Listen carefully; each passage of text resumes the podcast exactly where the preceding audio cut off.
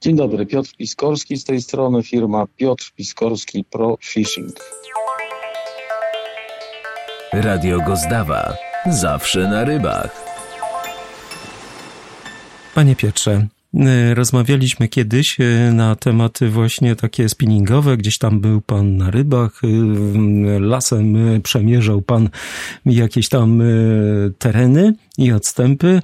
Dzisiaj spotykamy się w, takim zimowym montuażu, ale okazuje się, że na początku stycznia tego roku zaszły jakieś zmiany bo bardzo mocno pan współpracował ze swoją jakby już nieistniejącą dla Pana bezpośrednio firmą, y, którą Pan był twórcą razem e, ze swoim kolegą uczelnianym, jak dobrze pamiętam, e, czyli firmę Salmo. E, jak to na dzień dzisiejszy wyglądało? Co się takiego ciekawego wydarzyło, tak żeby słuchacze mieli wstęp, a później sobie porozmawiamy o innych aspektach? No tak, rzeczywiście sporo się zmieniło w moim życiu. Tak mówiąc krótko, coś co się wydarzyło. W 2016 roku sprzedałem firmę Salmo, którą pan wspomniał, miałem przyjemność tworzyć yy, i kierować nią. Yy, później w myśl umowy przez dwa lata byłem dyrektorem firmy. Później zdecydowałem, że chciałbym zostać tylko konsultantem, projektantem i w tych aspektach y, próbowałem doradzać przez ostatnie lata firmie Fox International, która była właścicielem i jest właścicielem marki Salmo. Y, dodatkowo dwa lata temu Fox y, trafił pod skrzydła wielkiej grupy, y, wielkiej grupy outdoorowej, która się nazywa Radar Outdoors, która no, no ma pod sobą sporo brandów i ambicje, tak jak sami mówią, zostać jedną z trzech największych, właściwie źle mówię, oni już są jedną z trzech największych, jeśli chodzi o aktywa firm outdoorowych na świecie. E, o tytuł, o tytuł lidera się ścigają z takimi firmami jak Normark i Pure Fishing.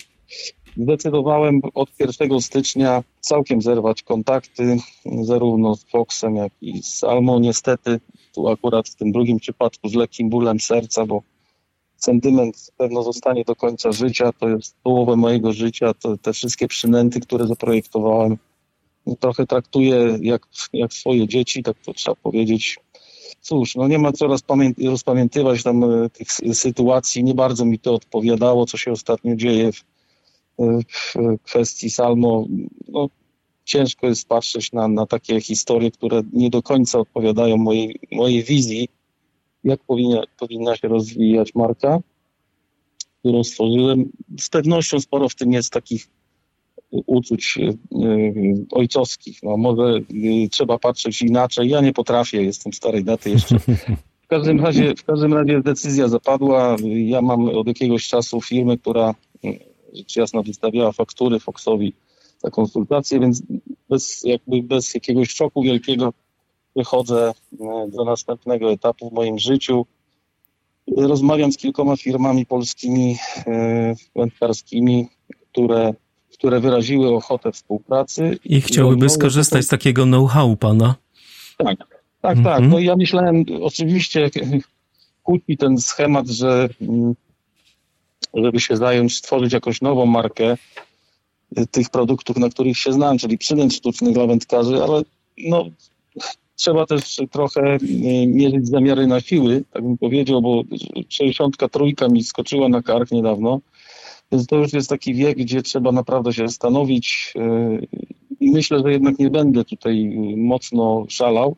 Chociaż szczerze mówiąc, są dwie takie propozycje dość ciekawe, które wymagałyby du dużego zaangażowania czasowego i sił i być może środków, ale nie jestem pewien, czy w tą stronę pójdę. Raczej bym wolał zostać konsultantem. Z przyjemnością będę doradzał polskim firmom. Uważam, że mamy mądrych ludzi, sprytnych, krótkich, energicznych i, i warto ich im przekazać trochę mojej wiedzy, bo jednak te 30 parę lat pracy w branży i, i to no, nie chwaląc się znajomości rynku. No i dużymi sukcesami, dużymi sukcesami rynkowymi, jakby nie było, no, prawda? No właśnie, więc mm -hmm. myślę, że myślę i mam nadzieję, że, że to się gdzieś e, zakończy fajnymi takimi y, związkami y, z, polskim, polskimi brandami.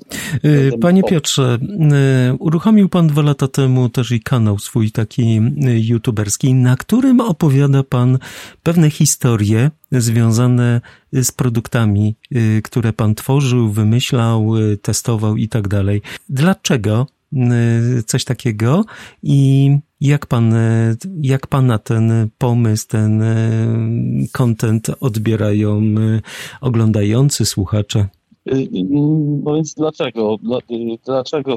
To, to pytanie sam sobie kiedyś zadałem, bo, bo subskrybenci mojego kanału też mnie pytali właściwie, dlaczego pan to robi? Przecież pan nie musi tego robić. No oczywiście nie muszę i tak trochę przemyślałem tą sprawę. Myślę, że powód to nie jest takie proste, żeby to w dwóch zdaniach opisać, ale najważniejsze chyba jest y, taka potrzeba wewnętrzna dzielenia się z ludźmi swoją wiedzą. Ja jestem ichtiologiem, więc myślę, że oprócz wiedzy wędkarskiej, praktycznej, teoretycznej i takiej praktyki związanej z produkcją przynęt, no i moimi podróżami po świecie, mam jeszcze y, fajne obserwacje związane z moją wiedzą. No, jestem magistrem biologii, więc y, trochę jakby tej nauki liznąłem. Wiem, gdzie szukać ewentualnie odpowiedzi na, na różne pytania, które się rodzą w głowach wędkarzy.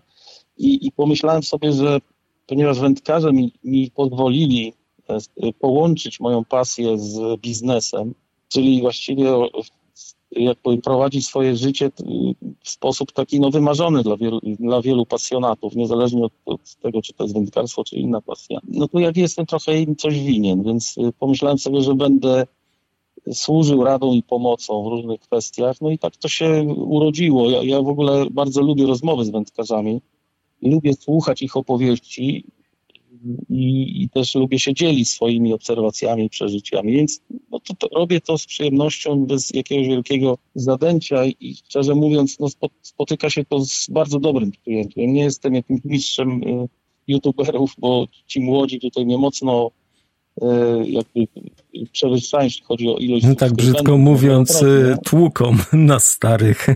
Ale to tak, ale jakby też zauważyłem, że ja z kolei przebijam i to w, podobnych w podobnych proporcjach, jeśli chodzi o czas oglądania. Moje, moje tak, filmy są, tak. moje spotkania ze mną są dość długie, niektóre do godziny nawet i to jest mm, kompletnie wbrew zasadom teraz działania YouTube. I jak zobaczy pan na słupek na końcu, to tak. ile panu procent y, zostaje do końca, bo u nas w radiu na podcastach 43. Wie pan co, y, teraz nie pamiętam dokładnie, ale zdaje mi się, że to jest około 30% oglądalność tych moich filmów, średnio dość dużo. Mm-hmm. Bo, bo generalnie no to ludzie się zatrzymują teraz, młodzi zwłaszcza, no, no kilkadziesiąt sekund są w stanie wytrzymać, zwłaszcza jak to jest gadająca głowa, mm-hmm. no bo nie zawsze mam, y, mam filmy czy, czy mm, zdjęcia, które mogą zilustrować pewne opowieści. Także to jest dla specjalnej grupy odbiorców, ale, ale mm, jak rozmawiam sobie z kolegami, którzy mają no, 50, 100 tysięcy odbiorców, subskrybentów, ja mam raptem, nie wiem, poniżej 7 tysięcy. Choć to ta, ta cyferka rośnie powolutku, ale to wydaje mi się, że to są specjalni odbiorcy.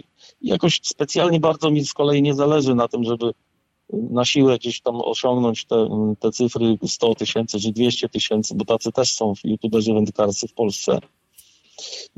Tylko zwyczajnie to jest taka, to jest dla mnie przyjemność, to jest realizowanie jakichś taki, taka nisza, którą chciałbym wypełnić. Myślę, że, że jest to potrzebne i ludzie zresztą mi to przekazują, że, że chcą słuchać.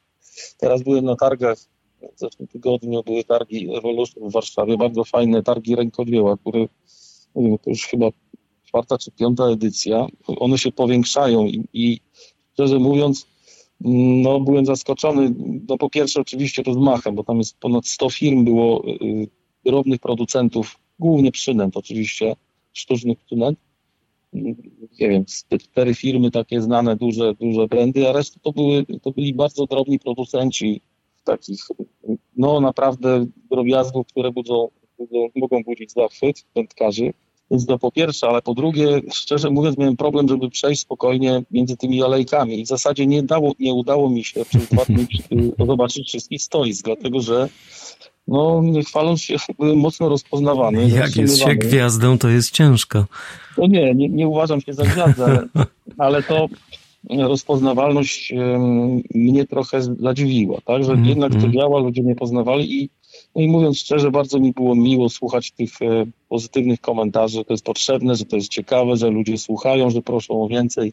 Także to było fajne i, i to jest jakby mnie utwierdziło w przekonaniu, że, że chyba trzeba to robić dalej. Właśnie wrzuciłem 144 odcinek, nazwałem to Q&A, czyli pytanie i odpowiedź i w takiej formule to robię, chociaż dodałem trochę takich sentymentalnych trochę odcinków pod tytułem Historia jednej przynęty. No bo z każdą z tych przynęt jest, yy, wiąże się w moim życiu wiele fajnych różnych yy, historii, więc więc yy, i wydarzeń, anegdot.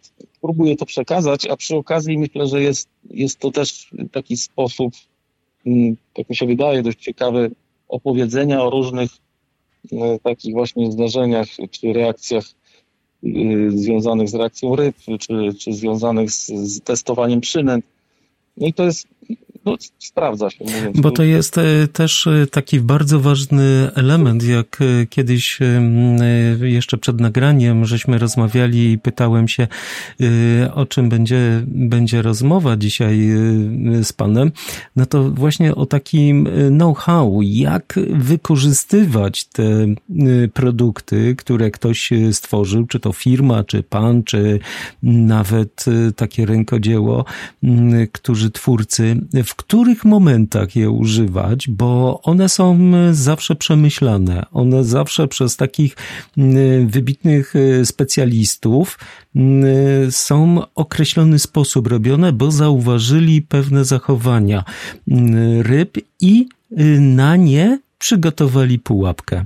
Tak, dokładnie, dokładnie tak jest. I, I, myślę, że nawet nie wszyscy wędkarze do końca to rozumieją, jaki to jest skomplikowany może zbyt wielkie słowo, ale no jest jakiś, w jakiś sposób skomplikowany proces, bo oczywiście koła się już nie wymyśli, ale można pewne pomysły, które istnieją od, od, od lat, no, jeśli chodzi o woblery, czyli te przynęty twarde, które, których, których y, ja się specjalizowałem, no to, są, to jest tradycja ponad stuletnia, grubo ponad 100 lat. Naj, najstarsze są filmy amerykańskie, kilka z nich, na przykład Hedon, który pierwsze woblery pod swoją marką wypuszczał w Stanach no ponad 100 lat temu. Myślę, że teraz strzelam 115-120 lat mają najstarsze przynęty pod marką Hedon. Rapala wcale nie jest najstarsza. No w każdym razie y, w każdym razie to, y, te, te wszystkie pomysły rzeczywiście rodziły się y, na zasadzie obserwacji pewnych związanych z innymi, z konkurencją, ale najlepiej to się odbywało właśnie na łowisku, kiedy miałem przyjemność w wielu miejscach na świecie łowić i zawsze starałem się spotkać e, bardzo dobrego wędkarza, który łowił na jakimś łowisku wybranym pod kątem jakiegoś gatunku ryby. I tam pro, prosiłem go, żeby łowił na najlepszą przynętę, która e, tutaj działa, sprawdza się na tym łowisku, a ja łowiłem zawsze wyłącznie na swoje pomysły i w ten sposób to oczywiście nie prowadziło do złowienia największej ilości ryb, raczej to jest karkołomny pomysł, no ale tak zawsze mówiłem, że jestem na rybach w pracy. Koledzy się czasami śmiali, ale tak było, bo y, starałem się łowić na swoje przynęty i dopasowywać, y, dopasowywać ich działanie, techniki ich używania do potrzeb łowiska, danej sytuacji, bo to też jest kwestia no, wielu rzeczy, prawda? Czy ryby biorą na płytkiej wodzie czy na głębokiej, mówiąc krótko. Prawda? Jest, to, jest to sporo takich czynników. I y, dzięki tym obserwacjom, po pierwsze, no, zdarzało się, że, że stwierdzałem, że tu nie mam szans z jakimś tam, jakąś przynętą X, która działa tego dnia na danym łowisku, ale y, rodziło to w naturalny sposób potrzebę zbudowania przynęty, która miałaby szansę konkurowania z taką przynętą. No i tak to zwykle było. Ja nie uważam za jakiegoś wspaniałego wędkarza. Natomiast y, myślę, że udało nam się w firmie, bo to oczywiście nie jest tylko moja zasługa, stworzyć wiele wspaniałych przynęt, które pozwalają wędkarzom spełniać marzenia, łowić ogromne okazy w wielu krajach na świecie, w kilkudziesięciu krajach na świecie i to myślę, że jest sukces. No a ryby pojawiały się przy okazji, udawało się złowić, no ale tutaj jakby to był dodatek taki ekstra. Panie Piotrze, tak na koniec naszej rozmowy chciałbym zapytać się, jak odbiera Pan swoją edukację uczelni wyższej i wędkarstwa jak i też prowadzenia właśnie tego biznesu wędkarskiego. Jak ta ich teologia, mm, którą wyniósł pan z uczelni, zresztą znanej uczelni olsztyńskiej, jak to pan y, odbiera właśnie na to przełożenie? Czy to dało dużo panu, czy też wyznaczyło jakąś drogę y, i w jaki sposób to by pan teraz ujął po latach? Y, no bez wątpienia to, to pomogło mi w pierwszych decyzjach odnośnie wyboru y, oferty, czy dopasowywania oferty do pewnych zjawisk w przyrodzie, który, o których się uczyłem w szkole, ale nie chcę tutaj przesadzać z tym wątkiem. Natomiast jest, y, myślę, że dość istotne jest to, że w wędkarstwie działa pewnego rodzaju magia. Ja to tak bym określił. Mianowicie, jeśli wędkarz uwierzy w przynętę, to ta przynęta nabiera magicznych mocy. To znaczy jest skuteczniejsza od innych przynęt, które działają zupełnie podobnie i wyglądają zupełnie podobnie. A jak to zrobić, żeby wędkarz uwierzył w przynętę? No najprościej, jak łowi oczywiście dużą rybę na to, ale najlepiej E, włożyć mu do głowy trochę wiary w tą przynętę. A można to zrobić no, na różne sposoby. Teraz jest sposobów dużo, wiele, dużo więcej niż kiedyś. Natomiast ja, jak powiedziałem na początku, lubię rozmawiać z wędkarzami i wydaje mi się, że potrafię opowiadać o rybach, potrafię opowiadać o zachowaniach ryb, o tym, co, czego się nauczyłem w szkole i łączyć to właśnie z tymi obserwacjami nad wodą. Wędkarze chcą to słuchać, tego słuchać, no i, i myślę, że tutaj pewnego rodzaju wiedza czy autorytet, właśnie, który się rodzi na połączeniu tych dwóch rzeczy, czyli wiedzy stricte naukowej z praktyką wędkarską, no, tworzy takie ciekawe historie, które wędkarze, w które wędkarze chcą uwierzyć. Jeśli uwierzą, biorą moją przynętę, pamiętając te moje opowieści i ona po prostu łowi ryby lepiej niż inne. No oczywiście przynęty są nasze są bardzo dobre, przemyślane. Trzeba do nich dołożyć trochę wiedzy teoretycznej, jak się nimi posługiwać, bo to nie jest takie proste. Każda jest do trochę innych zadań przeznaczona, ale myślę, że ta wiara to jest 50% sukcesu. Jeśli wędkarz bierze z pudełka tu moją przynętę, bo pamięta moją opowieść, czy to pisaną, czy mówioną, to już jest pół kroku y, bliżej do sukcesu w postaci wielkiej ryby. I jestem tego pewien 100%. I w tym aspekcie myślę, że bardzo ważna była ta moja edukacja, bo nawet czasami dochodziło do dyskusji z innymi producentami y, przynęt. No i szczerze mówiąc, nie spotkałem na świecie producenta, który miał wykształcenie ichtiologiczne, więc ja zawsze miałem ten mały bonusik, y, który, którym mogłem, mogłem kończyć dyskusję. No to właśnie y, tą konkluzją będziemy kończyć naszą dyskusję. Y, dziękuję panu bardzo za poświęcony czas i mam nadzieję, że znowu się usłyszymy już teraz szybciej niż dwa, trzy lata temu. Dziękuję. Dziękuję za, dziękuję za zaproszenie. Ja jeszcze chciałem powiedzieć, że wszystkim, którzy by chcieli trochę poczytać o tych moich, trochę więcej się dowiedzieć o, o, tym, o moim życiu związanym z wędkarstwem i z rybami i z przynętami, zapraszam na moją stronę www.ppprofishing.com, którą na pewno łatwo znaleźć w necie. Tam jest bardzo dużo artykułów, e, które napisałem, no kilkadziesiąt artykułów, które napisałem w życiu dla różnych pism e, światowych. Jest trochę filmów, jest trochę ciekawostek tak, tak więc zapraszam wędkarzy i nie tylko do, na moją stronę. Zapraszamy. E, takie know-how e, jest jak najbardziej wskazane. Dziękujemy panu, dziękujemy wam za to, że słuchaliście nas. Dziękuję bardzo. Do widzenia. Radio Gozdawa. Zawsze na rybach.